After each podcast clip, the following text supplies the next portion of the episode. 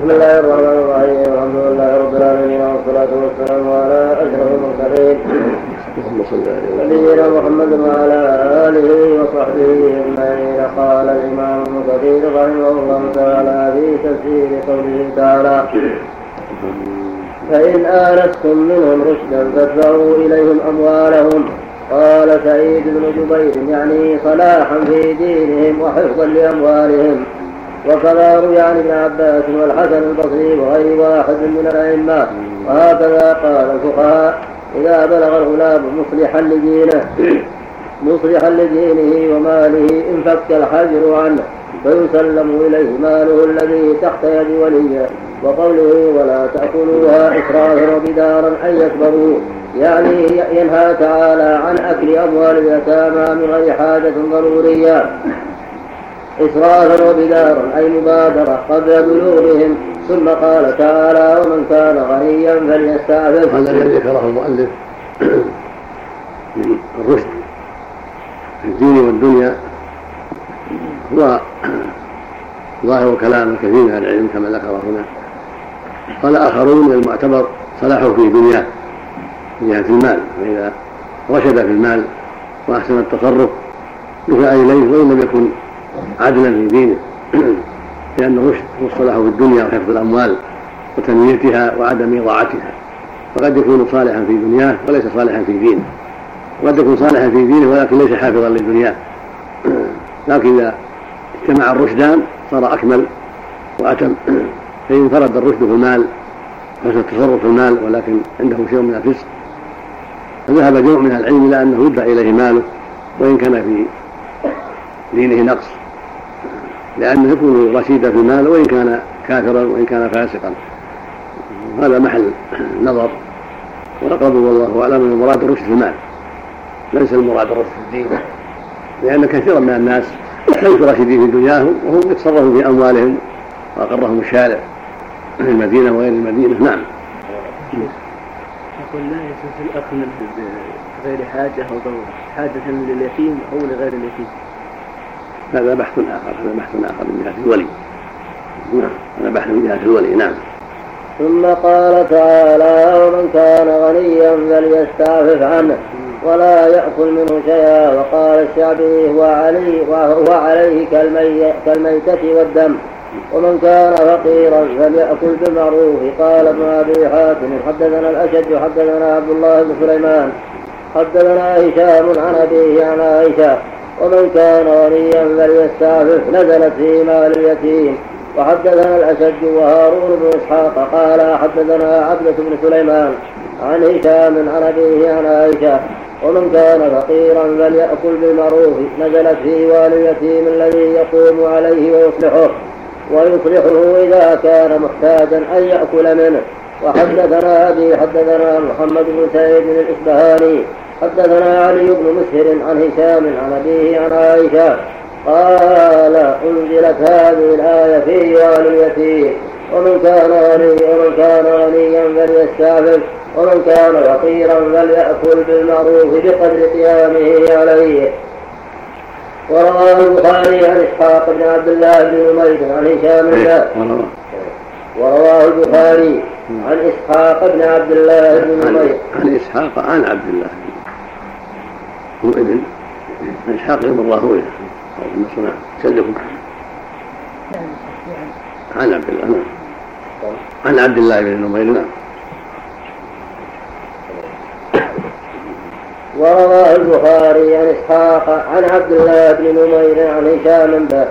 قال الفقهاء له أن يأكل أقل الأمرين هجرة مثله أو قدر حاجته. واختلفوا هل يرد إلى ايسر على قولين أحد أحدهما لا, لا لأنه أكل بأجرة عمله وكان فقيرا. وهذا هو الصحيح عند أصحاب الشافعي لأن الآية أباحت الأكل من غير بدل. قال أحمد حدثنا عبد الوهاب حدثنا حسين هذا هو الصواب أنه إذا أخذ ما يحتاج إليه أو فرض له شيء. فإنه لا يرد شيئا بل هذا في مقابل عمله فلا يرد شيئا. ثم إذا لم يوجد من يقوم عليه بغير أجرة يحتسب فإن فإن ولي الأمر يفرض له شيئا بقدر تعبه أو مشاعا في زيارته في ماله حتى لا يضيع ماله ولا يتعطل وحتى لا تضيع حاله. ويولى عليه ولو بأجرة من يرعى شؤونه ويرعى ماله. لكن إذا كان هناك ولي يستعفف ولا يكون من ماله شيئا وثقة يصلح لأن يكون وليا عليه هذا مقدم على غيره لأن من لا يحتاج إلى أجرة مقدم على غيره. محسن وينمي مال اليتيم ويحفظه بدون شيء هذا مقدم على غيره إذا تيسر. نعم.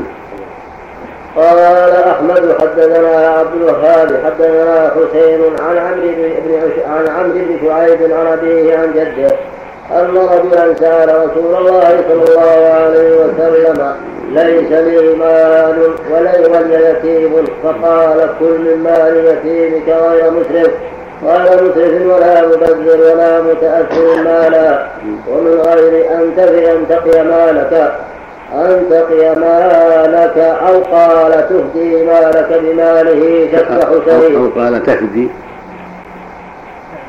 تفدي بالفاء تفدي فدا يفدينا أو قال تفدي مالك بماله أعد سند حدثنا وقال قال أحمد حدثنا عبد الوهاب حدثنا حسين عن عمرو بن شعيب عن أبيه عن جده أن رجلا سأل رسول الله صلى الله عليه وسلم ليس لي مال ولي يتيم؟ فقال كل من مال يتيمك.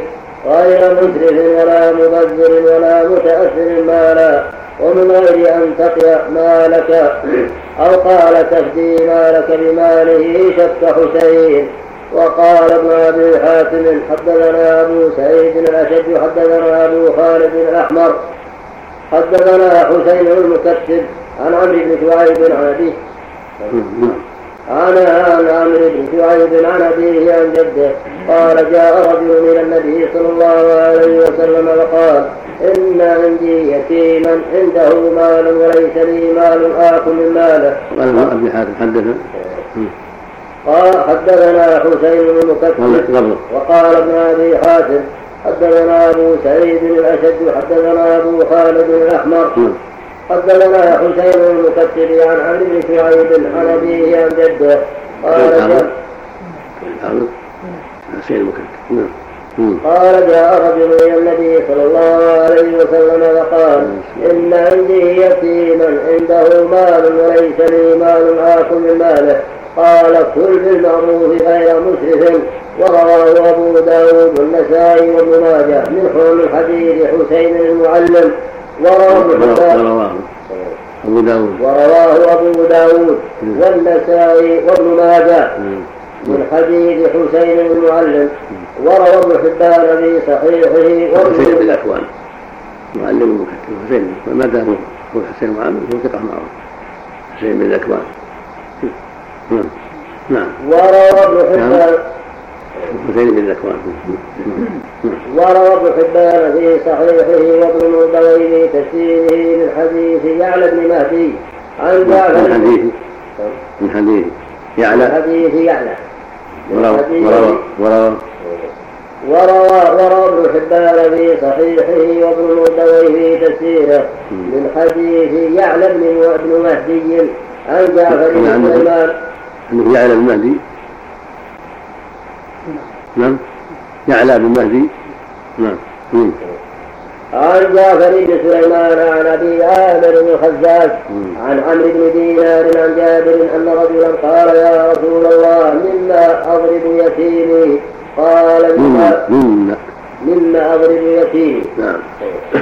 قال مما كنت ضاربا منه ولدك غير واق مالك بماله ولا متأثر منه مالا. وقال ابن جرير وهذا ينبه على ما قد يقع لبعض العامة يتحرزون من من تأديب اليتيم. يقول اليتيم ما يضرب وهذا غلط. اليتيم يؤدب. مثل ما تؤدب ولدك؟ لأنه إذا أهمل فسدت أخلاقه. فلا يجوز إهماله ولو أنه يتيم. على وليه أن يلاحظه ويؤدبه إذا احتاج إلى تأديب.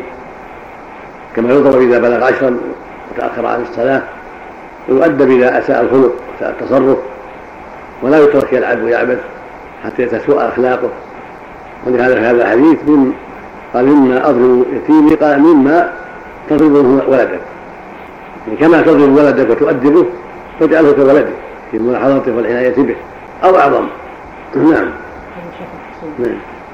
الحسين بن بكوان المعلم المكتب العودي. بفتح المهملة وسكون الواو بعدها المرجم البصري ثقة ربما وهم. من السادسة مات سنة 45 الجماعة العودي. وصار يقال له معلم ويقال له مكتب. نعم. ماشي نعم. وقال ابن جرير حدثنا الحسن بن يحيى. كان المكتب يعني يكون صاحب كتاب. معلم نعم. وقال ابن جرير حدثنا الحسن بن يحيى أخبرنا عبد الرزاق أخبرنا الثوري عن يحيى بن سعيد عن قاسم بن محمد. قال جاء اعرابي إلى ابن عباس وقال إن في حجري أيتاما وإن لهم أبلا وإن لهم إبلا ولي إبل وأنا أملح إبلي الفقراء فماذا يحل لي من ألبانها وقال إن كنت تبغي غالتها وتهنأ جرباها وتلوط حاحوها وتسعى عليها. فاشرب غير مبرد بنسل ولا ناهك بالحلب. ورواه مالك في موقعه عن يحيى بن سعيد به. وبهذا وبهذا القول ورواه مالك.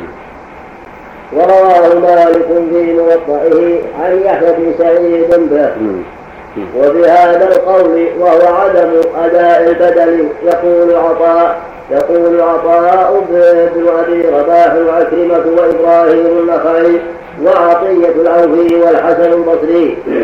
والثاني نعم لأن مال اليتيم على الحظر وإنما أبيح للحاجة فيرد بدله كأكل مال الغير. كأكل مال غير للمضطر عند الحاجة. وقد قال ابن أبي وقد قال ابن أبي الدنيا حدثنا ابن خيثمة حدثنا وكيع عن سفيان وإسرائيل عن أبي إسحاق عن حارثة بن مبرد. وقد قال ابن أبي الدنيا. وقد قال ابن أبي الدنيا حدثنا ابن خيثمة. كذا عنده ابن أنت عندك ابن ولا أبو خيثمة؟ أبو بكر ابن أبي الدنيا. بعد؟ حدثنا. حدثنا ابن أبي ابن أبي ابن خيثمة كذا؟ ابن خيثمة أخرى ابن؟ قال إشارة. نعم. وقد قال ابن عبد الدنيا حدثنا ابن خيثمة حدثنا وكيع عن سفيان وإسرائيل عن أبي إسحاق عن حارثة بن مغرب قال قال عمر رضي الله عنه إني أنزلت نفسي من هذا المال منزلة واليتيم إن استغنيت استعففت وإن احتجت استقرضت. فإذا أيسرت قضيت. طريق أخرى قال سعيد بن مسعود حدثنا أبو الأحوص هذا السنة الأول.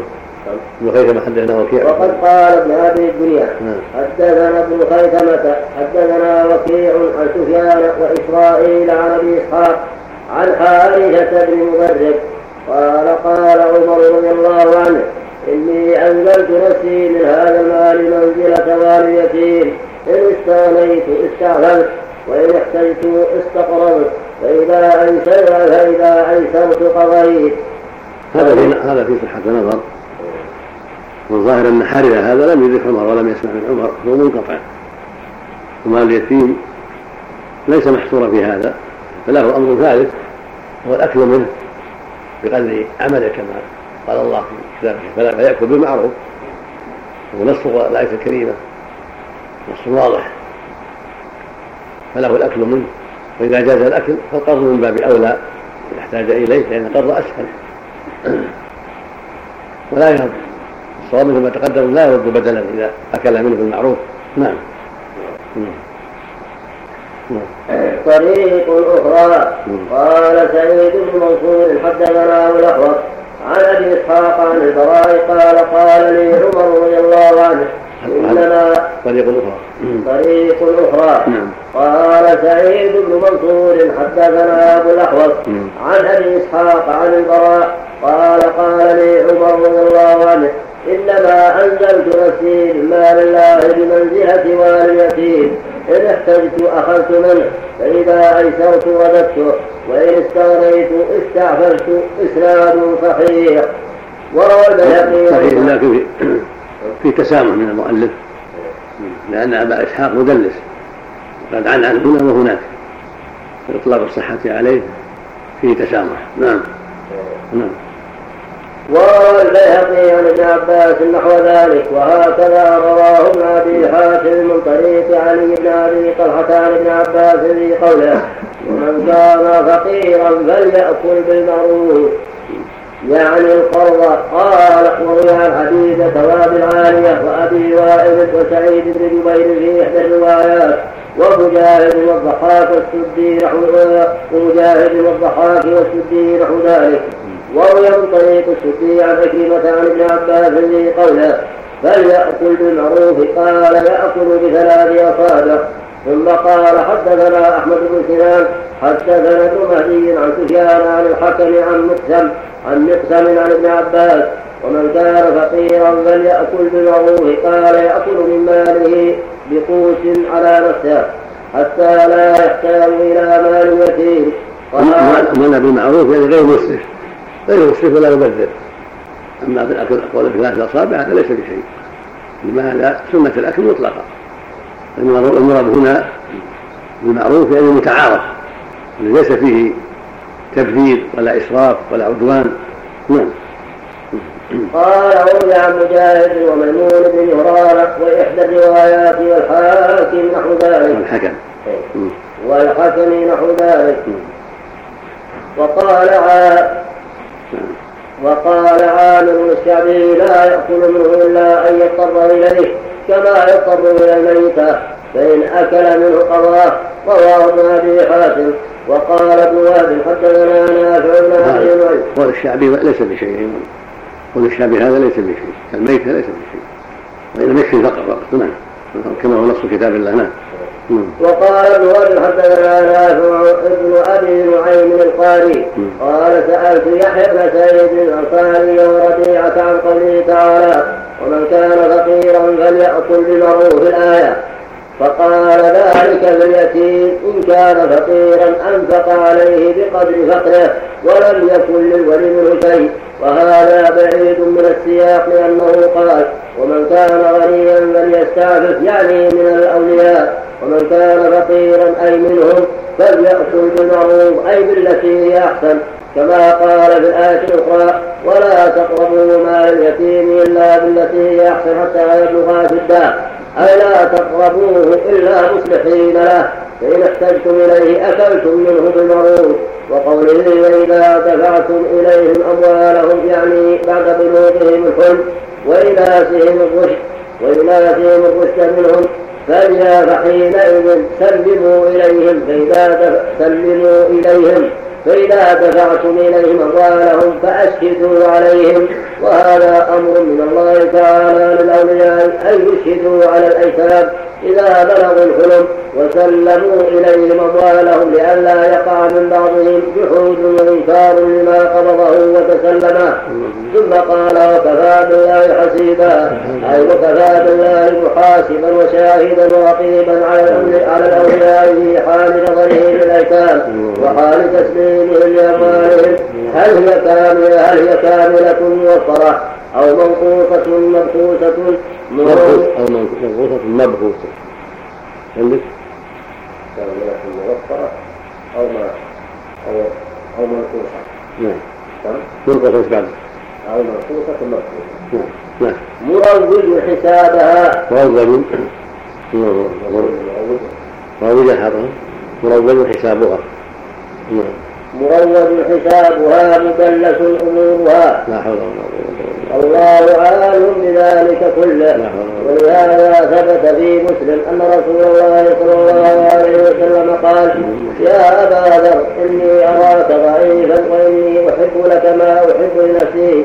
لا تامرن على اثنين ولا ترين مال يتيم. وما ذاك الخطر العظيم. لأن النفس أمارة بالسوء والإنسان إذا تولى قد يحيف ويظلم لليتيم ويتعدى. فلهذا نصح النبي صلى الله عليه وسلم أبا ذر أن لا يتولى مال يتيم نعم. الله للرجال نصيب مما ترك المال بارك سيدنا اللهم صل وسلم لا الله لا حول ولا قوة إلا بالله. لا حول ولا قوة إلا بالله. نعم. هل يعطي اليتيم ما يعطي ولده؟ شنو؟ هل يعطي اليتيم ما ولده؟ لا يعطيه من ماله من ماله. يعطي اليتيم من مال اليتيم يكشف من ماله ويطعمه من ماله وإذا أعطاه من ماله شيء جزاه الله خير لكن مو بلازم. هذاك الأدب يأدبه مثل ما يأدب ولده. إذا أخطأ مثل ما يأدب ولده يأدب اليتيم. لا يخليه يؤذي الناس ويظلم الناس ويتعدى على الناس أو يتأخر عن الصلاة وقد بلغ عشر. فهمت؟ أما المال لا ما هو بيعطيه ماله ينفق عليه من ماله من مال اليتيم. فهمت؟ نعم نعم. الله الرحمن الرحيم. الحمد لله رب العالمين. والصلاة والسلام على أشرف الأنبياء والمرسلين نبينا محمد وعلى آله وأصحابه أجمعين. قال رحمه الله تعالى فصل وكان غالب ما يلبسه وأصحابه ما ما نسج من في الوطن الأبناء في حديث ابن تقريب ابن خيثمه في الأبناء. سماء سماء هذا ابن خيثمه انها مصحف وأنها أبو خيثمة وغير ابن حرب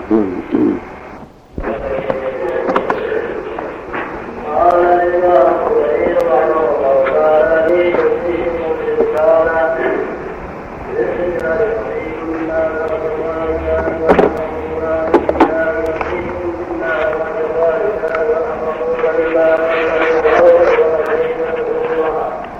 وإذا عرفتم فأولئك الله تعالى والآخرين وكلهم منهم له قولا معروفا وليقل الذين أنفقوا من قلبهم سكية ضيعان الله عليهم فليتقوا الله فليتقوا الله وليقولوا قولا سديدا إن الذين يأكلون أموال اليتامى ظلما إنما يأكلون في بطونهم نارا وسيصلون سعيرا قال سعيد بن جبير وقتادة كان المشركون يجعلون المال للرجال الكبار ولا يورثون النساء ولا الأطفال شيئا فأنزل الله تعالى للرجال نصيب مما ترك الوالدان والأقربون الآية. أي الجميع فيه سواء حكم الله تعالى. أي. الجميع فيه سواء في حكم الله تعالى يستوون في أصل إرادته. أو نعم في أصل وراثته وإن تفاوتوا بحسب ما فرض الله لكل منهم. مما يدل به مما يجزي به إلى الميت من قرابة أو زوجية أو ولاء فإنه لحمة كلحمة النسب وهذا من لطف الله جل وعلا كانت الجاهليه لا تورث الاطفال الصبيان دون البلوغ ولا يورثون النساء فابطل الله هذه العاده الجاهليه وجعل الميراث لجميع القرابات على اختلاف منازلهم الذكور والاناث فقال للرجال نصيب للذكور نصيب ما ترك الوالدين والاقربون وللنساء نصيب مما ترك الوالدين والاقربون مما قل أو كثر نصيب المفروض فجعل القرابة يستوي فيها الذكور والإناث على ترتيب وضحه الرسول صلى الله عليه وسلم في سنته. وذكر جملة منه سبحانه في كتابه فيما يأتيه آيات المواليد. أما العادة الجاهلية فأبطلها الله سبحانه وهي عدم توريث النساء وعدم توريث الأطفال. وهذه الجاهلية لا يزال لها بقية في بعض الناس من جهة النساء. هناك بقية من الناس المنتسبين إلى الإسلام. عندهم بقية من جاهلية في أكل حقوق النساء وتساهل بأمر النساء في مواريث وغيرها. وهذا من بقية الجاهلية. نعم. وروى ابن المردغي من طريق ابن هراسة عن سفيان الثوري عن عبد الله بن محمد بن عقيل. عن جابر. وروى ابن المردغي من طريق ابن هراسة عن سفيان. نعم. حراسة بطريق نعم. وروى ابن المردغي من طريق ابن هراسة. عن سفيان الثوري عن عبد الله بن محمد بن عقيل عن جابر قال أتت أم إلى رسول الله صلى الله عليه وسلم. فقالت يا رسول الله. إن- عندكم مكجة. هذا عندكم إسكاف جيمها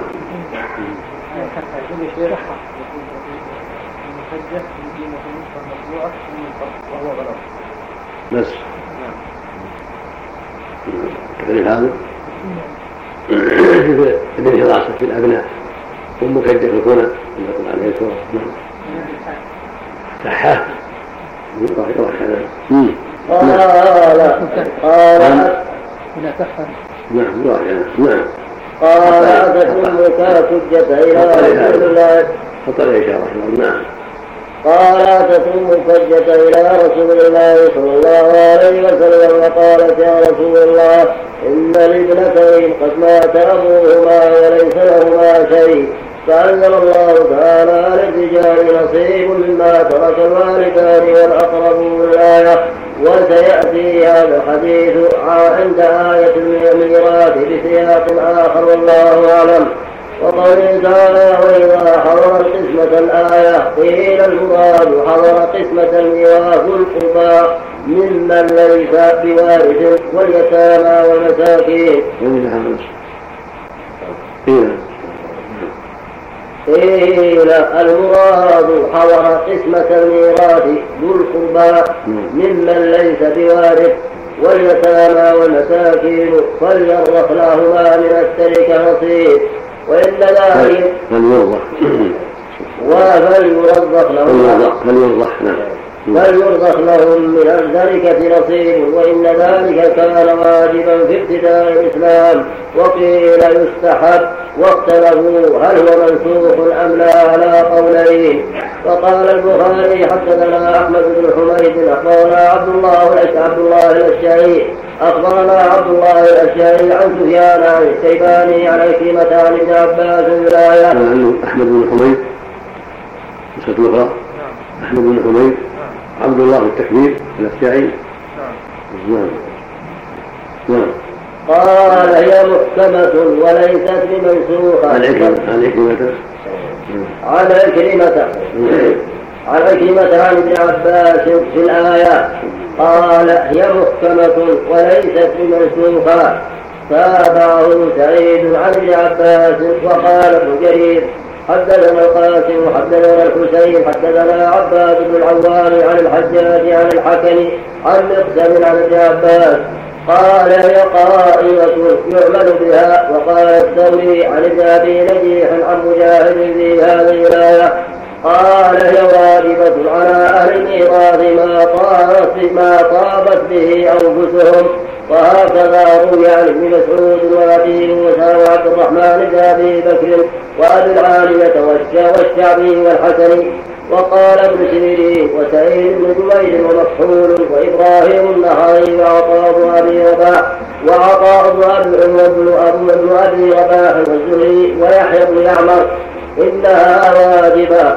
وروى أبي حاتم عن أبي سعيد الأشجع عن إسماعيل عن ابي سعيد الاشد عن ابي سعيد الاشد عن إسماعيل بن علية عن يونس بن عبيد. عن عن ابن سيرين قال ولي عبيدة وصية. عبيدة قال ولي عبيدة وصية. فأمر بشاة لذبحت فأطعم أصحاب هذه الآية. فأطعم أصحاب هذه الآية فقال لولا هذه الآية لكان هذا من مالي. وقال مالك فيما يروى عنه التفسير من جزء مجموع عن الزهري أن عروة أعطى من مال مصعب حين قسم ماله. وقال الزهري هي محكمة وقال مالك عن عبد الكريم عن مجاهد قال حق واجب ما ما طابت به الأنفس وهذا وهذا هو الأصل. الأصل في الأمور. الأصل في النصوص عدم النسخ. هذا هو الأصل ولا يقال انها منسوخ إلا بدليل ولا دليل. فإذا حضر قسمه اولي القربى واليتامى والمساكين قسمه الأموال قسمه أموال التركة يدرك لهم من ذلك؟ ما يراه الورثه من قليل أو كثير. يعطون الذين لا يرثون. إن حضروها وتقسم الأموال. وضح لهم شيء ذبيحة تذبح يطعمون إياها وليمه يعطون على عشرة على عشرين على ثلاثين على مئة على حسب كثرة المال وقلته. وعلى حسب ما تطيب به النفوس. الورثه المقصود ان أن هذه الآية قائمه مثل ما قال ابن عباس والجماعة ليست منسوخه وأما ما المواريث فهي على حالها. لا المواريث شيء وهذه من باب مكارم الأخلاق ومن باب محاسن الأعمال. نعم. مطلقة عام. لكن شيء يسير ما تقربه النفوس. ذكر من ذهب إلى أن ذلك أمر بالوصية لهم. قال عبد الرزاق أخبرنا ابن جريج أخبرني ابن أبي مليكة أن أسماء بنت عبد الرحمن بن أبي بكر الصديق والقاسم بن والقاسم والقاسم بن محمد أخبراه. عن ابي عن اسماء بنت عبد الرحمن بن أبي بكر الصديق وقاسم بن محمد اخبراه أن عبد الله بن عبد الرحمن بن أبي بكر قسم ميراث أبيه قسم ميراث أبيه عن عبد الرحمن قسم ميراث أبيه عبد الرحمن وعائشة حية فلم يدع في الدار مسكينا ولا لا قرابة إلا أعطاه من ميراث أبيه. قال وتلا وإذا حضر القسمة أولي القربى قال القاسم فذكرت ذلك لابن عباس فقال ما أصاب ليس ذلك له. إنما ذلك إلى الوصية. وإنما هذه الآية في الوصية يريد الميت يريد الميت يوصي لهم. رواه أبي حاتم. وهذا ليس بجيد. والصواب الأول كما قال ابن عباس نعم الصواب الأول ليس وصية. فهذا إلى ورثة القاسمين نعم. ما ذكر ابن حراسه ولا من إغاثة ولم كرجة نعم. ذكر من قال إن هذه الآية منسوخة بالكلية. قال سفيان الثوري عن محمد بن السائب الكلبي عن أبي صالح عن أبي صالح عن ابن عباس رضي الله عنهما وإذا حضر القسمة قال منسوخة قال إسماعيل بن مسلم؟ قال إسماعيل بن مسلم المكي عن قتادة عن كلمة عن ابن عباس. قال في هذه الآية وإذا حضر القسمة أولو القربى نسختها الآية التي بعدها يوصيكم الله في أولادكم. وروى العوفي عن ابن عباس رضي الله عنهما في هذه الآية. وإذا حضر القسمة القربى كان ذلك قبل أن تنزل الفرائض فأنزل الله على ذلك الفرائض فأعطي كل ذي حق حقه وجعلت الصدقة فيما سمى المتوفي رواهن. فيما سمى المتوفي. رواهن ابن مردويه. وقال ابن أبي حاتم حدثنا الحسن بن محمد بن الصباح حدثنا حجاج. وقال ابن أبي حاتم حدثنا الحسن بن محمد حدثنا الحسن بن محمد بن الصباح حدثنا حجاج عن ابن عن ابن جريج وعثمان بن عطاء عن عطاء عن ابن عباس في قوله وإذا حضر القسمة والقربى واليتامى والمساكين نسختها آية الميراث فجعل لكل إنسان نصيبه مما ترك الوالدان والأقربون مما قل منه أو كثر أو كثر وحدثنا أسيد بن عاصم حدثنا سعيد بن عامر عن همام حدثنا قتادة عن سعيد بن المسيب أنه قال إنها منسوخة قبل الفرائض كان ما ترك الرجل من مال أعطي منه اليتيم والفقير والمسكين والقربى والقربى إذا حضروا القسمة ثم نسختها المواريث. فألحق الله بكل ذي حق حقه وصارت الوصية من ماله يوصي بها لذوي قرابته حيث شاء وقال مالك عن الزهري عن سعيد بن المسيب هي منسوخة نسختها المواريث والوصية. وهكذا روي عن عكرمة وأبي الشعثاء والقاسم بن محمد وأبي صالح وأبي مالك وزيد بن أسلم والضحاك وعطاء الخرساني ومقاتل بن حيان وربيعة بن أبي عبد الرحمن أنهم قالوا إنها منسوخة وهذا مذهب جمهور الفقهاء والأئمة أو هذا جمهور الفقهاء والأئمة الأربعة. وهذا مذهب جمهور الفقهاء والأئمة الأربعة وأصحابهم. وقد اختار ابن جرير هؤلاء قولا غريبا جدا والأول والأول أظهر وإن كان قول الأقل هو أظهر. رواية الصحيحة عن عباس نعم. الله هذه الأخبار كلها عن ابن عباس. إذا صحت أحسنها السند الأخير. يكون عن روايتان في المعنى قد يكون الأولى القول بأنها غير منسوخة والثانية العكس. قد يكون العكس. الأولى بأن قال أنها منسوخة والثانية رجع. هذا يقع عن ابن عباس كثير. ابن عباس وغيره قد يقع عن روايتان فأكثر. كما يقع عن غيره. قد يبدو للإنسان مع طول المدة عمر أو العمر إلى 68 نسيطة قد يكون بدا له شيء. إما أن يكون النسخ الأول ثم بدا له عدم النسخ والعكس. هكذا عن غيره من التابعين والصحابة. لكن الأصل عدم النسخ هذا هو الأصل. نعم. وقد اختار ابن جرير ها هنا قولا غريبا جدا وحاصله أن معنى الآية عنده وإذا حضر القسمة أي وإذا حضر قسمة مال الوصية أولو القرابة الميت فارزقوهم منه وقولوا اليتامى والمساكين إذا حضروا قولا معروفا. هذا معنى ما حاوله بعد طول العبارة والتكرار وفيه نظر والله أعلم.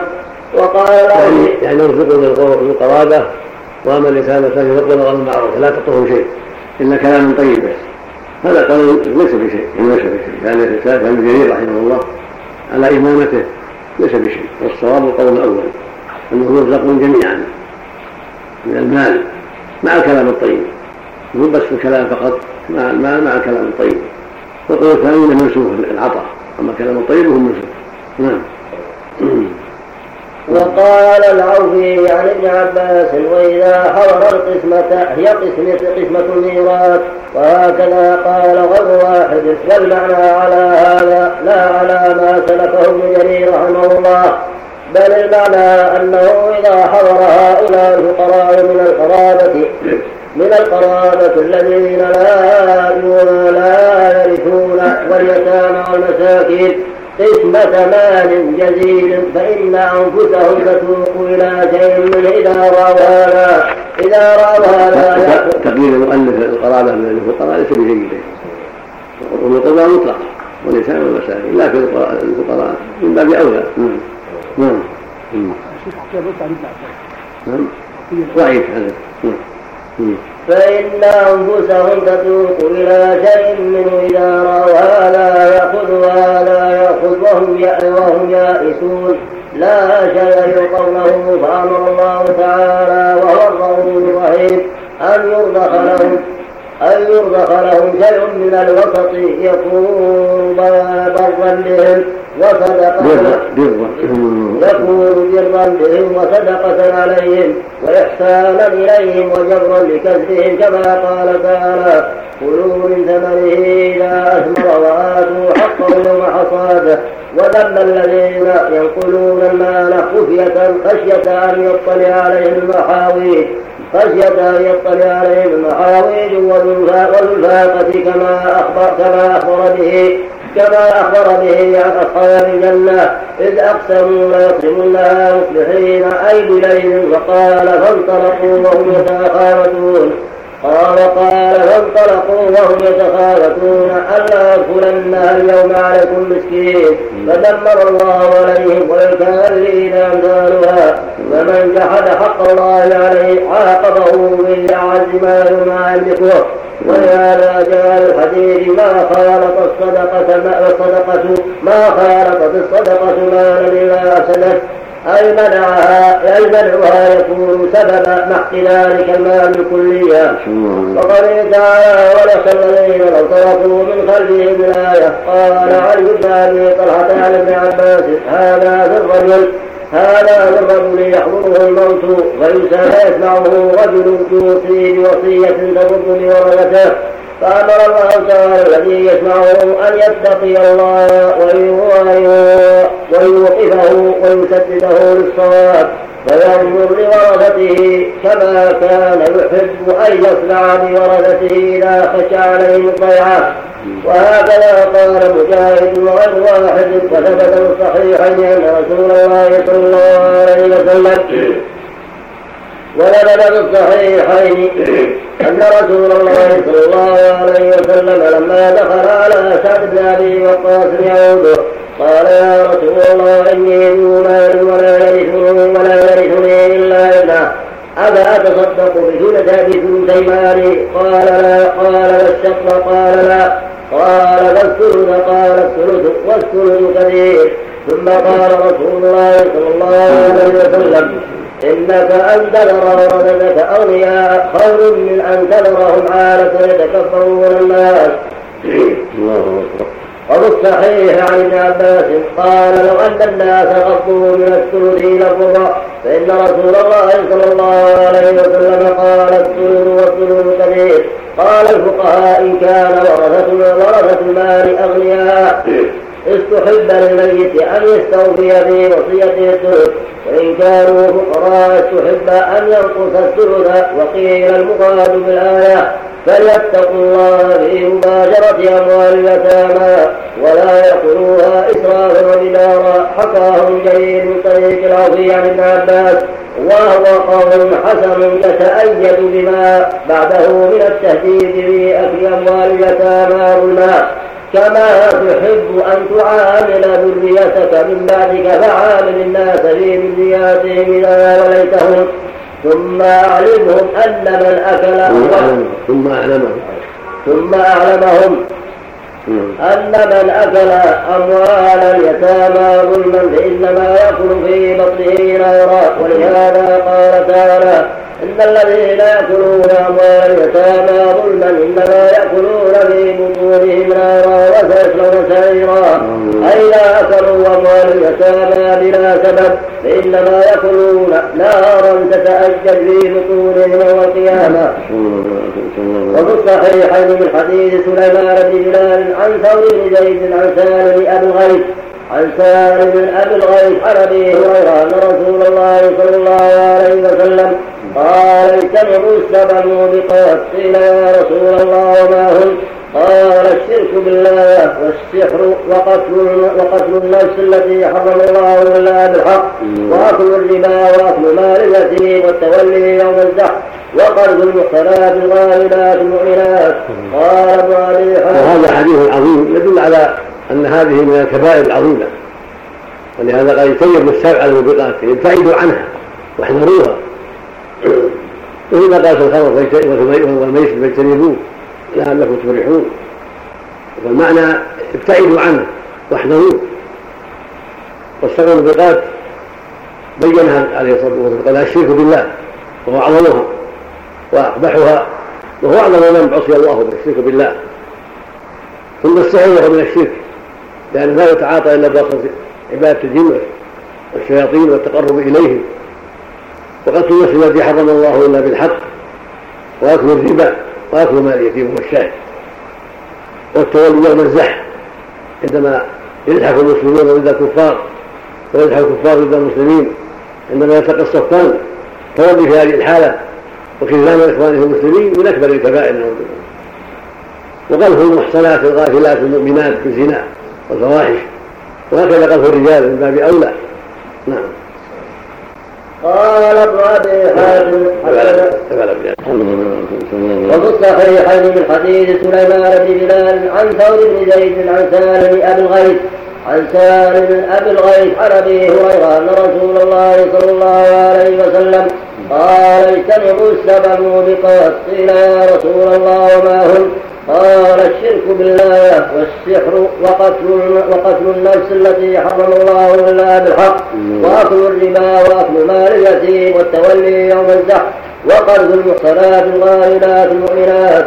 قال ابن أبي وهذا حديث عظيم يدل على أن هذه من الكبائر العظيمة ولهذا قال يتيب السبع الموبقات ابتعدوا عنها واحذروها. وإذا قال في الخمر والميسر فاجتنبوه. لعلكم تفرحون. فالمعنى ابتعدوا عنه واحذروه والسبع الموبقات بينها عليه الصلاة والسلام قال الشرك بالله وهو اعظمها واقبحها وهو أعظم من عصي الله به الشرك بالله. ثم السحر وهو من الشرك لأنه لا يتعاطى إلا بواسطه عبادة الجن والشياطين والتقرب إليهم. وقتل النفس التي حرم الله إلا بالحق واكل الربا. واكل مال اليتيم والشاهد والتولي يوم الزحف عندما يزحف المسلمون ضد الكفار ويزحف الكفار ضد المسلمين عندما يلتقي الصفان تولي في هذه الحالة وخذلان إخوانه المسلمين من أكبر الكبائر نعوذ بالله وقذف المحصنات الغافلات المؤمنات في الزنا والفواحش وهكذا قذف الرجال من باب أولى. نعم. قال ابن أبي حاتم تفعل بذلك اللهم نعم اللهم نسأل الله العافية. بسم الله الرحمن الرحيم الحمد لله رب العالمين والصلاة والسلام على أشرف المرسلين نبينا محمد وعلى آله وصحبه. وعلى آله وصحبه أجمعين قال الإمام ابن كثير رحمه الله تعالى قال ابن أبي حاتم حدثنا أبي حدثنا عبيدة أخبرنا عبد العزيز بن عبد الصمد العمي العمي. حدثنا أبو هارون العبدي وعن أبي سعيد الخدري قال قلنا يا رسول الله قال قلنا يا رسول الله ما رأيت ليلة أسري بك؟ قال انطلق بي إلى خلق من خلق الله كثير. حدثنا حدثنا قال ابن أبي حاتم حدثنا أبي حدثنا عبيدة أخبرنا عبد العزيز بن عبد الصمد العمي حدثنا أبو هارون العبدي. نعم أبو هارون؟ أبو؟ نعم نعم عن أبي سعيد الخدري قال قلنا يا رسول الله ما رأيت ليلة أسري بك؟ قال انطلق بي إلى خلق من خلق الله كثير. رجال كل رجل منهم له مشفر كمشفر البعير وهو موكل بهم رجال يفكون لحاء أحدهم ثم يجاو بصخرة من نار فتقذف في في أحدهم حتى يخرج من أسفله. لهم جؤار وصراخ قلت يا جبريل من هؤلاء؟ قال هؤلاء الذين يأكلون أموال اليتامى ظلما. إنما يأكلون في بطونهم نارا فسيصلون سعيرا وقال السدي يبعث آكل مال اليتيم يوم القيامة. سند هذا حدثنا أبي نعم. حدثنا عبيدة أخبرنا عبد العزيز بن عبد الصمد العمي حدثنا أبو هارون العبدي. تقريب حاضر أبو هارون. عن ابي سعيد نعم عن أبي سعيد الخدري قال قلنا يا رسول الله ما رأيت ليلة أسري بك قال انطلق بي إلى خلق من خلق الله كثير رجال كل رجل منه منهم له مشتر كمشتر البعير وهو موكل بهم رجال يفكون لحاء احدهم ثم يجاء بصخرة من نار فتقذف في في أحدهم. في في أحدهم. حتى يخرج من أسفله لهم جؤار وصوار قل يا جبريل ما من هؤلاء؟ قال هؤلاء الذين يأكلون أموال اليتامى بالماء إنما يأكلون في بطونهم نارا وسيصلون سعيرا. على كل حال الآية العظيمة كلها نفس الآية مع الآيات الأخرى ومع الأحاديث الواردة في تحريم أموال اليتامى. كلها تدل على أن أكل, أموال اليتامى من أقبح الكبائر. ولهذا قال إنما يكون فوق النار. هذا يدل على أن أكل أموال اليتامى من أعظم الأسباب في العذاب. نسأل الله أن هذا المال الذي يأكلونه يكون يكون نارا. نسأل الله العافية. أجوافهم. والحديث الصحيح يجتنبوا السبع موبقات المهلكات قلنا وما هن يا رسول قال الشرك الشرك. الشرك بالله والسحر. قتل التي التي حرم الله الا بالحق وأكل الربا وأكل مال اليتيم.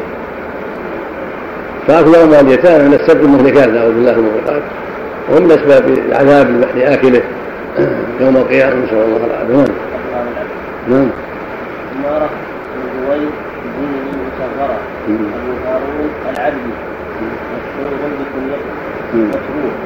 ومنهم من كذبه الشيعي من الرابعة مات سنة 34 البخاري في خرجة أبواب الترمذي من شيعي بعد شيعي شيعي من الرابعة صلى الله عليه وسلم ونقول معنا رواية أمه شيخ عبد العزيز عبد الصمد العلمي.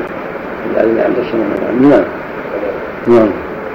وقال السدي يبعث آكل مال اليتيم يوم القيامة. وهذا المتن فيه ذكارة ولهذا صار رواية هذا المتهم بخار العبد نعم.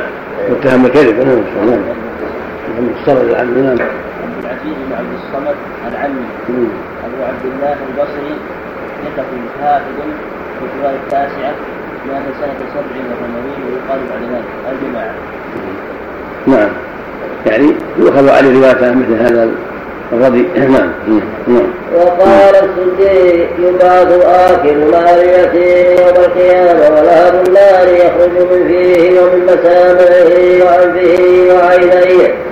يعرفه كل من رآه بأكل مال اليتيم. وقال يبعث الله عليه وقال من وقال من وقال وقال السدي يبعث آكل مال اليتيم يوم القيامة ولهب النار يخرج من فيه ومن مسامعه وأنفه وعينيه. يعرفه كل من رآه بأكل مال اليتيم. وقال ابن مردوي حدثنا إسحاق بن إبراهيم بن زيد حدثنا أحمد بن عمرو حدثنا عقبة بن مكرم حدثنا يونس بن بكير حدثنا زياد بن المنذر عن نافع بن الحارث عن ابي وعن ابي برده عن ابي برده أن رسول الله صلى الله عليه وسلم قال يبعد يوم القيامة القوم من قبورهم تأجل أفواههم نارا. قيل يا رسول الله من هم؟ قال ألم تر أن الله قال إن الذين يأكلون أموال اليتامى ظلما الآية قال أبي حاتم العربي عقبة بن مكرم. وأخرجه ابن جلال في صحيحه عن أحمد بن علي وأخرجه ابن وأخرجه ابن وأخرجه ابن جلال وأخرجه ابن حبان في عن أحمد بن علي. عن أحمد بن علي بن المسيح بن المثنى عن عقبه بن مكرم قال ابن مردويه حدثنا عبد الله بن جابر حدثنا أحمد بن عصام حدثنا أبو عامر العبدي. حدثنا عبد الله بن جابر بن الزهري عن عثمان بن محمد عن المقبري عن أبي هريرة قال قال رسول الله صلى الله عليه وسلم أخرج مال الضعيفين أحرج مال الضعيفين المرأة واليتيم. أي أوصيكم باجتناب مالهما وتقدم في سورة البقرة من طريق عطاء السائل. عن سعيد بن جبير بن عباس رضي الله عنهما قال لما نزلت إن الذين يأكلون أموال اليتامى انطلق من كان عنده يتيم فعزل طعامه من طعامه وشرابه من شرابه فجعل يفضل الشيء ويحبس له ويحبس له حتى يأكله أو يسكت يفضل فجعل يفضل الشيء. فجعل يفضل الشيء. يعني يفضل الطعام. يعني يفضل الطعام. يفضل بعض الطعام من طعام اليتيم يحبسون له تمام. يفضل ما الشيء. شيء. الشيء. أو يفضل الشيء اليتيم يعني يفضل الشيء. الشيء. فيحبس له حتى يقتله أو يفسد فاشتد ذلك عليهم فذكروا ذلك لرسول الله صلى الله عليه وسلم فأنزل الله قوله تعالى ويسألونك عن اليتامى قل إصلاح لهم خير. الآية فخلطوا طعامهم بطعامهم وشرابهم بشرابهم. لأن المقصود الحرص على حفظ أموالهم فإذا كان إفرادها يضرهم صار خلطها أصلح. ولهذا قال عز وجل ويسأل هذه اليتامى قل إصلاح لهم خير. المقصود إصلاح وإن تخالطوهم فإخوانكم. والله يعلم المسلم من المصلح. ولو شاء الله لعنتكم. إن الله عزيز حكيم. فإذا كان خلط أموالهم بأموال من هم تحت يده لتنمو ولتحفظ ويأكلون معهم ويكونهم مؤونة فإنهم إذا كانوا مع طعامهم كفروا المؤونة لما يحتاج إلى حطب ويحتاج إلى أشياء يكون له مؤونة ويأكلون معهم ويأخذ مقابل ذلك الشيء اليسير إن يحتاجوا إلى ذلك. نعم. اللهم المستعان نعم الأقوال المقولة عن السدي وعن نعم.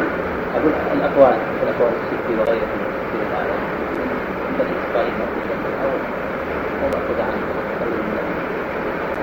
هذا قد يقال من أخبار بني إسرائيل قد يقال إنها من باب المرسلات يعني التابع إذا قال شيئا لا يقال من جهة الرأي فهو بين أمرين اما يكون مرسل في حكم مرسل كما يقال كما إذا قال الصحابي قال في حكم مرفوع واما يكون مما تلقاه عن بني إسرائيل مثل كعب وهب ومنبه وأشباههم وهكذا الصحابي إذا فعل ذلك إن كان ليس مما يأخذ عن بني إسرائيل وكان لا مجال للرأي فيه فهو بحث مرفوع وإن كان عن بني إسرائيل حمل على ذلك.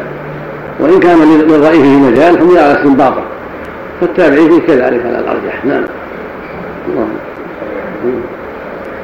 يوصيكم الله في أولادكم للذكر مثل حظ الأنثيين فإن كن نساء فوق اثنتين فلهن ثلثا ما ترك.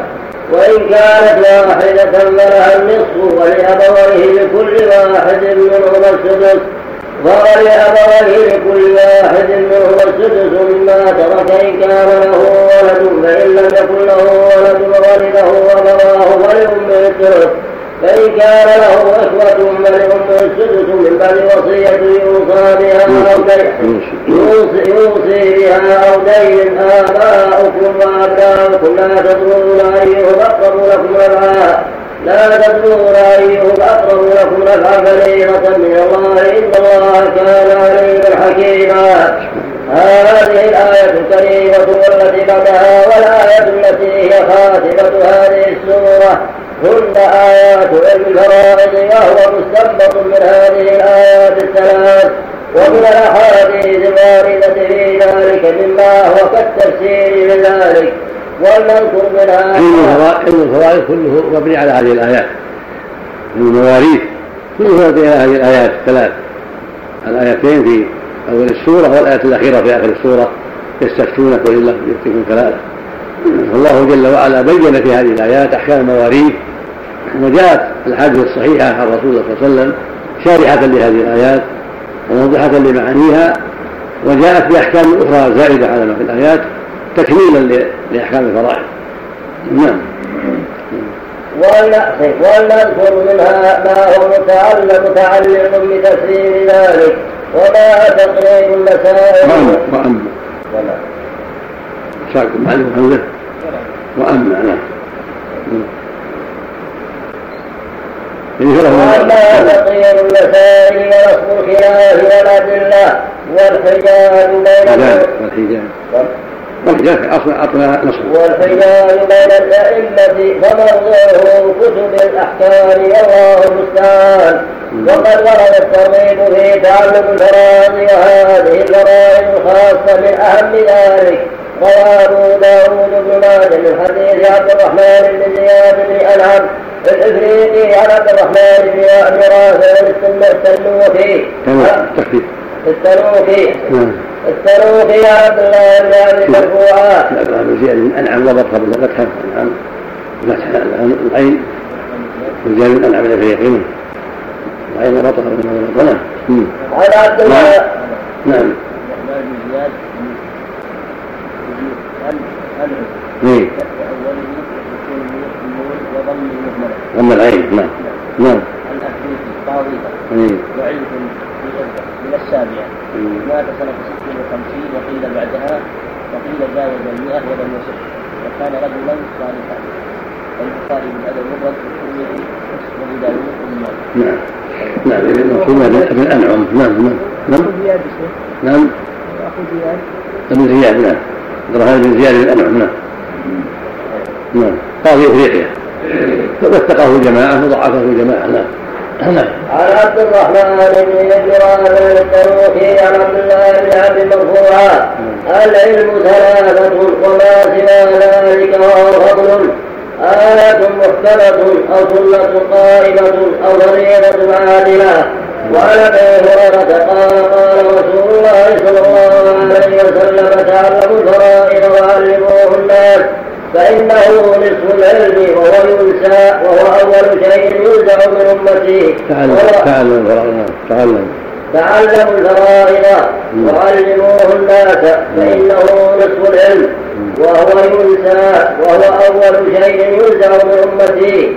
رواه ابن ماجه وفي إسناده غور وقد روي من حديث أبي مسعود وأبي سعيد وفي كل منهما نظر قال ابن عيينة انما سمي الفرائض نصف نصف العلم لأنه نعم نعم نعم إيش؟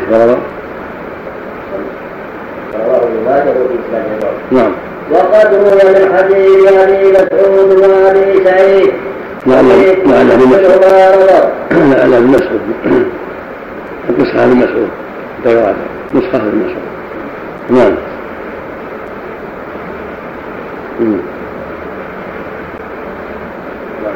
نعم وفي كل منهما نظر قال ابن عيينة إنما سمي الفرائض نصف العلم لأنه يبتلى به يبتلى يبتلى به الناس كلهم يعني يعني المواريث يبتلى الناس. صار نصف العلم والبقية نصف النصف الثاني. ما يتعلق بالفرائض الأخرى من الزكاة والصيام والحج ونحو ذلك.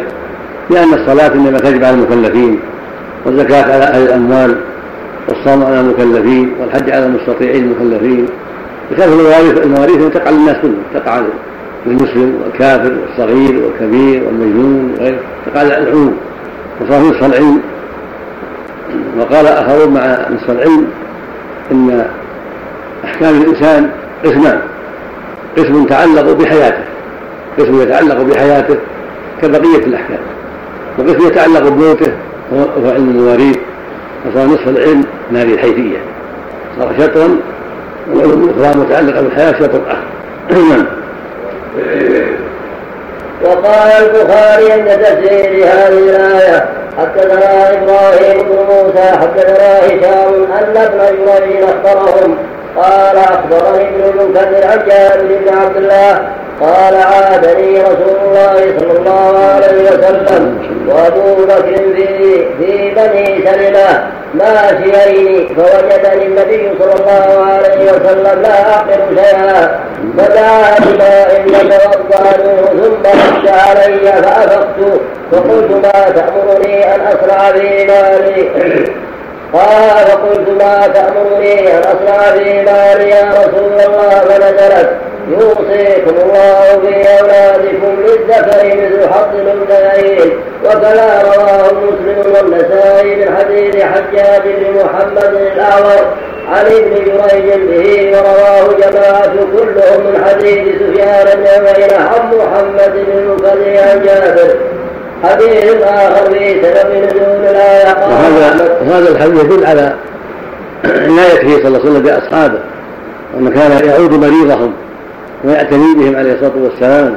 فذهب الصديق فذهب صلى الله عليه وسلم وهو الصديق ماشيين يعودان جابرا لما مرض وكان شابا.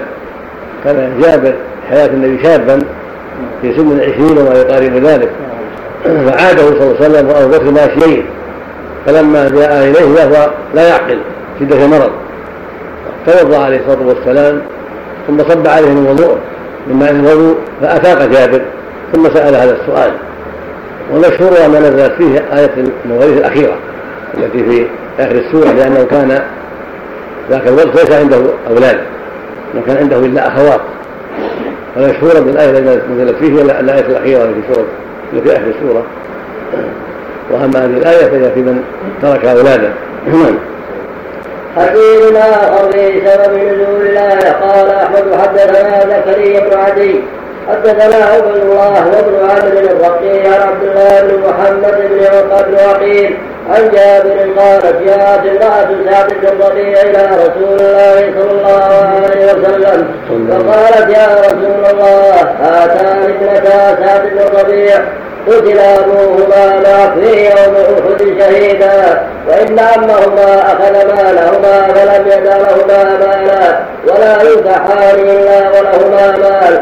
قال وقال يقضي الله ذلك فنزلت آية الميراث فأرسل رسول الله صلى الله عليه وسلم إلى عمهما فقال أعط ابنتي سعد الثلثين وأمهما الثمن وما بقي فولد وقد رواه أبو داود. يعني لأن الصورة زوجة وبنتين نعم. فصارت التركة هكذا لها الثمن والبنتين الثلثان والباقي للعم. يعني من 24 سهما البنتين 16 سهما وللزوجة الثمن ثلاثة. بقي خمسة من 24 فمن عصبا للعم. نعم. وقد رواه أبو داود الترمذي وابن ماجه من طرق عن عبد الله بن محمد بن عقيل به قال الترمذي ولا يره الا بالحديث والظاهر ان حديث جابر الأول. إنما نزل بسببه الآية الأخيرة من هذه السورة كما سيأتي؟ فإنه إنما كان له عدة أخوات ولم يكن له بنات وإنما كان إنما كان يرث كلالة وإنما كان يورث كلالة ولكن ذكرنا الحديث ها هنا تبعا للبخاري فإنه ذكره ها هنا والحديث الثاني عن جابر والحديث الثاني عن جابر أشبه بنزول هذه الآية والله أعلم. وقوله تعالى نعم أحسن الله إليك. ولو أن الحديث الأول في البخاري. نعم. ولو ولو أن الحديث الأول في البخاري. نعم في البخاري. لكن معروف يعني من حيث التاريخ من حيث الواقع أن جابرا لم يولد في حياة النبي صلى الله عليه وسلم إنما أولاده كانوا بعد النبي صلى الله عليه وسلم. فإنما كانت له أخوات خلف له والده أخوات. ويحتمل يحتمل أن يكون له ذرية. يحتمل يكون له ذرية على ظاهر الآية الكريمة. نعم. نعم فقوله تعالى يوصيكم الله في أولادكم للذكر مثل حظ الأنثيين أن يأمركم بالعدل فيهم فإن أهل الجاهلية كانوا يجعلون جميع الميراث للذكر دون الإناث للذكر دون الإناث. قراءة السيدة نعم. سم اللهم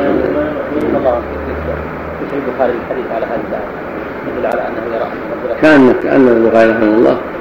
ظهر ظهر له انه يعني لا مانع أن يكون له ذرية قد يكون له ذرية الصغار وإن كان لم يشتهر هذا عند النسابين والمؤرخين.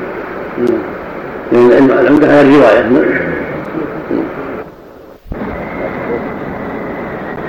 ما شاء الله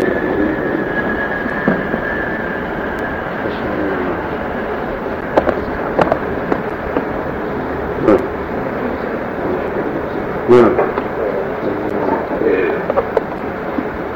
بسم الله الرحمن الرحيم الحمد لله رب العالمين والصلاة والسلام على أشرف المرسلين نبينا محمد وعلى آله وصحبه أجمعين قال الإمام ابن كثير رحمه الله تعالى في تفسير قوله تعالى يوصيكم الله في أولادكم للذكر مثل حظ الأنثيين أن يأمركم بالعدل فيهم فإن أهل الجاهلية كانوا يجعلون جميع الميراث للذكور دون الإناث فأمر الله تعالى بالتسوية بينهم في أصل الميراث وفاوت بين الصنفين فجعل للذكر مثل حظ الأنثيين.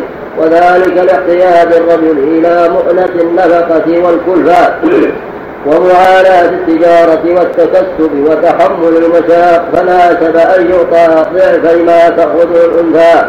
وقد استنبط بعض الأذكياء من قوله تعالى يوصيكم الله في أولادكم للذكر مثل حظ الأنثيين أنه تعالى أرحم بخلقه من الوالدة بولدها حيث أوصى الوالدين بأولادهم فعلم أنه أرحم بهم منهم كما جاء في الحديث الصحيح وقد رأى امرأة من فرق بينها وبين ولدها فجعلت تزور على ولدها فلما وجدته من السد أخذته فألصقته بصدرها وأرضعته. فقال رسول الله صلى الله عليه وسلم لأصحابه أتدرون هذه أترون أترون هذه طالحة ولدها في النار؟ أني تظنون أترون فلما أترون هذه طارحة ولدها في النار وهي تقدر على ذلك قالوا لا يا رسول الله. قال فوالله لله أرحم بعباده من هذه بولدها. وقال البخاري هنا حدثنا محمد بن يوسف عن وقال عن ابن أبي نبيح عن عطاء عن ابن عباس. قال كان المال للولد وكانت الوصية للوالدين. فنسخ الله من ذلك ما أحب فجعل للذكر مثل حظ الأنثيين. وجعل للأبوين لكل واحد منهما السدس. لكل واحد منهما السدس والثلث وجعل للزوجة الثمن والربع وللزوج الشطر والربع وقال العوفي عن ابن عباس وهذا وهذا من لطف الله وإحسانه وحكمته العظيمة وعلمه بأحوال عباده. كان أهل الجاهليه يقول لا يأخذ المال إلا من يحمل السلاح ويقاتل الرجال ولا يعطون النساء شيئا والصبيان. فأبطل الله هذه العادة الجاهلية. وجعل الميراث مشتركا بين الذكور والإناث والكبار والصغار. رحمة منه بعباده لأن الكبير يحتاج والصغير يحتاج والأنثى تحتاج كما يحتاج الذكر الذكر ولكنه سبحانه فاوت بين الذكور والإناث من الأولاد والإخوة فجعل للذكر ضعف ما للمراه لأنه يحتاج إلى ذلك. يبذل المهر للزواج ينفق على الأهل والأولاد يقابل الضيوف. يتحمل مشاقه كثيرة. صار من رحمة الله أن يعطى أكثر لما يحتاجه من النفقة الكثيرة. أما المرأة فنفقتها أقل. وقد تكفى المؤونة وتزوج ويكفيها زوج المؤونة فلا تحتاج إلى شيء. ثم هو سبحانه وتعالى أرحم بعباده منهم باولادهم ولهذا أوصاهم بأولادهم. وقسم التركه بينهم وبين أولادهم وأخوتهم وأقاربهم وأمرهم أن ينفقوا لانفسهم وأن يحسنوا إلى أنفسهم ويطلبوا الأجر في الآخرة. كل هذه رحمه منه سبحانه وتعالى وتعليم وإرشاد لهم. فلا يضيعوا أولادهم ولا ينسى أنفسهم مما ينفعهم في الآخرة. في وصية بالثلث فاقل حرم عليهم قتل أولادهم. حرم عليهم الوعد الذي كانت تعتاده الجاهلية. كل هذا من رحمته سبحانه وتعالى. وقال العوفي عن ابن عباس يوصيكم الله في أولادكم للذكر مثل حظ الأنثيين وذلك أنه لما نزلت الفرائض التي فرض الله فيها ما فرض للولد الذكر والأنثى والأبوين كرهها الناس أو بعضهم وقالوا تعطى المرأة الربع أو الثمن وتعطى الابنة النصف ويعطى الغلام الصغير. وليس من هؤلاء أحد يقاتل القوم ولا يحوز الغنيمة. اسكتوا عن هذا الحديث. لعل رسول الله صلى الله عليه وسلم ينساه أو نقول له فيغير. فقالوا يا رسول الله تعطي الجارية. تعطي الجارية نصف ما ترك أبوها وليست تركب الفرس ولا تقاتل القوم ويعطى الصبي الميراث وليس به وليس يغني شيئا وكانوا يفعلون ذلك بالجاهلية لا يعطون الميراث إلا لمن قاتل القوم ويعطونه الأكبر فالأكبر رواه ابن أبي حاتم وابن جرير أيضا. أي سنده؟ ولا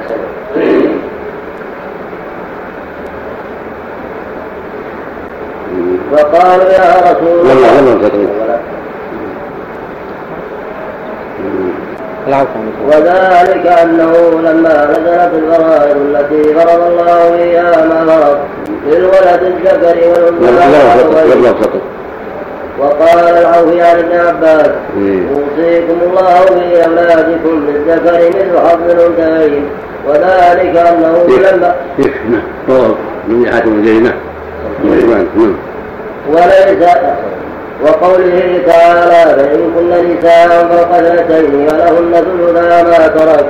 قال بعض الناس هو الله قوله فوق زائدا وتقديره فإن كن نساء اثنتين. كما في قوله فاضربوا فوق الأعناق. وهذا غير مسلم لا هنا ولا هناك فإنه ليس في القرآن شيء زائد لا فائدة فيه وهذا مبتدأ ثم قوله ثم قوله فلهن ثلثا ما ترك. لو كان المراد ما قالوه لو كان. لو كان المراد ما قالوه. لقال فلهما ثلثا ما ترك وإنما استفيد كون الثلثين للبنتين من حكم الأختين من حكم الأختين بالايه الأخيرة. فإنه تعالى حكم فيها للأختين بالثلثين. وإذا ولد الأختان الثلثين فلا أن. يرث البنتان الثلثين بالطريق الأولى. فلا يرث نعم. فلا أن يرث. فلا أن يرث البنتان. بنتان نعم. مثنى بنتان نعم فلا يرث البنتان الثلثين بالطريق الأولى. وقد تقدم في حديث جابر أن النبي صلى الله عليه وسلم حكم لابنتي سعد بن الربيع الثلثين فدل الكتاب والسنة على ذلك. ومعنى فإن ثم نساء فوق اثنتين معنى يعني اثنتين فما فوق. وليس لها مفهوم. فوق اثنتين ليس له مفهوم. من تعطى الثلاث الثلثين وهكذا البنتان الثلثين لأن نبه على هذا سبحانه في آخر السورة. لما أعطى الثلثين الثلثين دل على أن البنتين من باب أولى قال في آخر السورة فإن كانت ثلثين فله الثلثين مما ترك. ودل ذلك على أن البنتين كذلك وأن قوله فوق اثنتين ليس له مفهوم بل المراد اثنتين فما فوق. وهكذا إعطاؤه صلى الله عليه وسلم بإذن سعد بن ربيع الثلثين. هو موضح لهذا المعنى. الواحد تأخذ النصف والاثنتان تأخذان الثلثين وهكذا إذا كثرنا ليس لهن إلا الثلثان كالأخوات سواء نعم. وأيضا فإنه قال وإن كانت واحدة فلها النصف ولو كان للبنتين ولو كان للبنتين النصف فلو كان للبنتين النصف لنص عليه أيضا فلما حكم به, به للواحدة على انفرادها دل على أن البنتين في حكم الثلاث والله أعلم. وقوله تعالى ولأبويه لكل واحد منهما السدس إلى آخره. الأبوان لهما في الإرث أحوال. أحدهما أن يجتمعا مع الأولاد فيفرض لكل واحد منهما السدس. فإن لم يكن للميت إلا بنت واحدة فإن فرض لها النصف وللأبوين لكل واحد منهما السدس وأخذ الأب السدس وأخذ وأخذ. الأب السدس الآخر الآخر بالتعصيب وأخذ الأب السدس الآخر بالتعصيب فيجمع له وحالة هذه بين الفرض والتعصيب الحال الثاني أن ينفرد الأبوان بالميراث فيفرض للأم الثلث والحالة هذه ويأخذ الأب الباقي بالتعصيب المحض فيكون قد أخذ ضعفي ما حصل للأم وهو الثلثان. فلو كان معهما زوج أو زوجة أخذ الزوج النصف والزوجة الربع ثم اختلف العلماء ماذا تأخذ الأم بعد ذلك على ثلاثة أقوال. أحدهما أنها تأخذ ثلث الباقي في المسألتين لأن الباقي كأنه جميع الميراث بالنسبة إليهما. وقد جعل الله لها نصف ما جعل للأب فتأخذ فتأخذ ثلث الباقي ويأخذ الأب الباقي ثلثيه هذا هو قول عمر وعثمان وأصح الروايتين عن علي. وبه يقول ابن مسعود وزيد ثابت وهو قول الفقهاء بالسبع وهو قول الفقهاء السبعة والأئمة الأربعة وجمهور العلماء. والثاني أنها تأخذ ثلث جميع المال لعموم قوله تعالى فإن لم يكن له ولد وورثه أبواه ولأم الثلث فإن الآية أعم من أن يكون معها زوج أو زوجة أو لا. وهو قول ابن عباس وروي عن علي ومعاذ بن جبل نحوه وبه يقول شريح وداود الظاهري واختاره أبو الحسين محمد بن عبد الله بن اللبان البصري في كتابه الايجاز في علم الفرائض وهذا فيه نظر بل هو ضعيف. لأن ظاهر الآية إنما هو إذا إذا استبدى.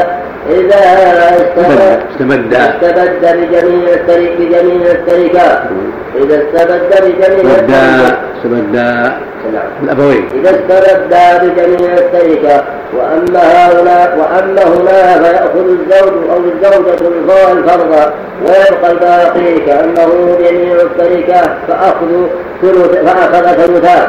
والقول الثالث فأخذ فأخذ ثلثيه تأخذ فتأخذ تأخذ المعلوم. نعم.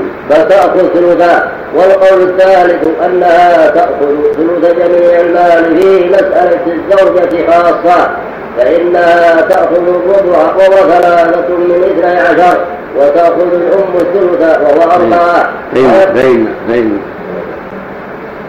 فإن إن الزوجة إنها والقول الثالث. نعم. أنها تأخذ ثلث جميع المال في مسألة الزوجة خاصة. فإنها تأخذ الربع وهو ثلاثة من اثني عشر. وتأخذ الأم الأم الثلث وهو أربعة. فيبقى خمسة للأب. وأما في مسألة الزوج فتأخذ ثلث الباقي. لئلا تأخذ أكثر من الأب لو أخذ ثلث المال فتكون المسألة من ستة. للزوج النصف ثلاثة وللأم ثلث الباقي بعد ذلك وهو سهم وللأب الباقي بعد ذلك وهو سهمان.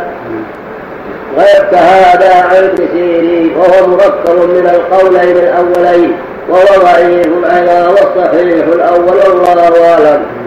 والحال الثالث من أحوال الأول يعني أنها تعطى ثلث الباقي في العمريتين وهما زوج وأم وأب وزوجة فأكثر وأم وأب.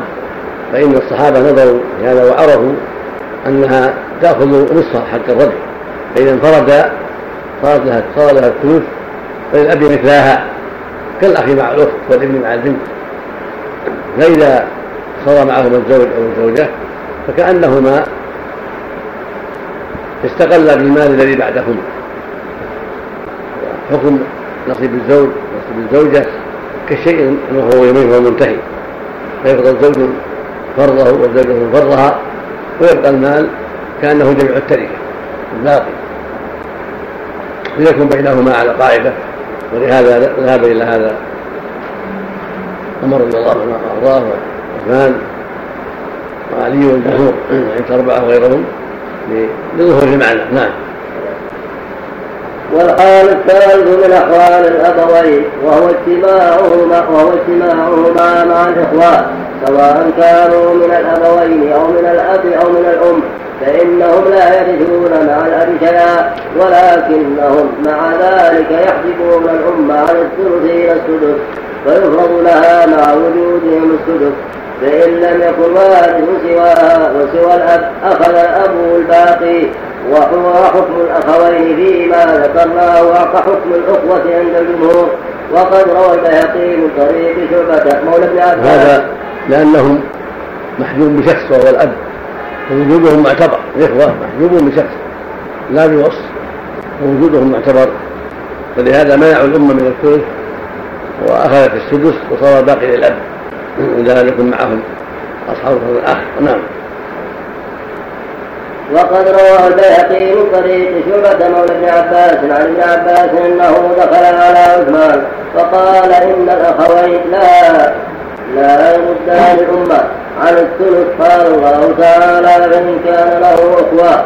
فالاخوان ليس بلسان بلسان قومك اخوان فقال عثمان لا أستطيع تغيير ما كان قبلي ومضى في وتواصل به الناس وفي صحة هذا الأثر نظر فإن شعبة هذا تكلم فيه مالك بن ولو كان هذا صحيحا عن ابن عباس لذهب إليه أصحابه الأخصاء به.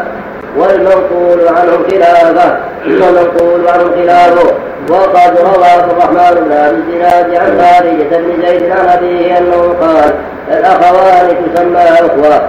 وقد أفردت لهذه المسألة جزءا على حدة وقال ابن أبي حاتم حتى يدل على أنهم إخوة. قوله تعالى في آخر السورة يستغفرونك قل الله يجيب كلا أين امرؤ هلك؟ ليس له الولد وله أخت وله نصف ما ترك. وهو يرث كلها ولد فإن كانت اثنتين فلهما الثلثان مما ترك وإن كانوا إخوة رجالا ونساء فللذكر مثل حظ فجعل الواحد مع أخته إخوة وأعطاهما ثلاثة للذكر من حظ الأنثيين. فدل ذلك على أن الشخصين يسمى يسميان إخوة ويحجبان الأم من الثلث إلى السدس. نعم. وقال ابن حاتم حدثنا ابي حدثنا عبد العزيز بن مغيرة حدثنا يزيد بن زريع عن سعيد بن قتادة نحوه. وقوله فإن كان له إخوة فلأم السدس أضروا بالأم ولا يرثون ولا يحجبها الأخ الواحد عن الثلث ويحجبها ما فوق ذلك. وكان أهل العلم يرون أنهم إنما حجبوا أمهم عن الثلث أن أباهم يلي إنكاح يلي إنكاحهم ونفقته عليهم دون أمهم ونفقتهم نعم. ونفقتهم عليه دون أمهم ونفقته عليه دون أمهم نعم عندكم؟ كذا عندكم؟ ونفقتهم عليه دون أمهم فلهذا يأخذ الزائد حتى يستعين به على النفقة ونفقته نفقتهم على الأب دون الأم. ثم ينفق عليهم قال الله تعالى ولا المعلم الذي له رزقهن وكسوتهن بالمعروف. كسوة الوالدات وهكذا الولد. ونفقتهم عليه دون أمهم. وهذا كلام حسن لكن روي عن ابن عباس بإسناد صحيح أنه كان يرى أن السدس الذي حجبوه عن أمهم يكون لهم. وهذا قول شاذ رواه ابن جرير في تفسيره فقال حدثنا الحسن بن يحيى حدثنا عبد الرزاق أخبرنا معمر عن أبي طاووس عن أبيه عن ابي طاووس. عن عن ابن طاووس عن أبيه عن ابن عباس. قال السدس الذي حجبته الأخوة الأمة لهم إنما حجبوا أمهم عنه ليكون له ليكون لهم دون أبيهم. ثم قال ابن جرير وهذا قول المخالف لجميع الأمة.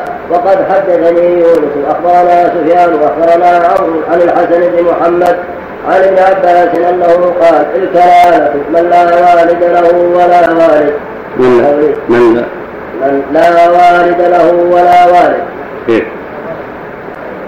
من لا ولد له ولا والد. من لا ولد له ولا نعم. من لا ولد له ولا والد وقوله من بعد وصية يوصي بها أو دين. أجمع العلماء من السلف والخلف على أن الدين نحن وصية نعم. مولى عباس ابن نعم. أعوذ بالله من الشيطان الرجيم. بسم الله الرحمن الرحيم. يا أيها الناس اتقوا ربكم الذي خلقكم من نفس واحدة وخلق منها زوجها وبث منهما رجالا كثيرا ونساء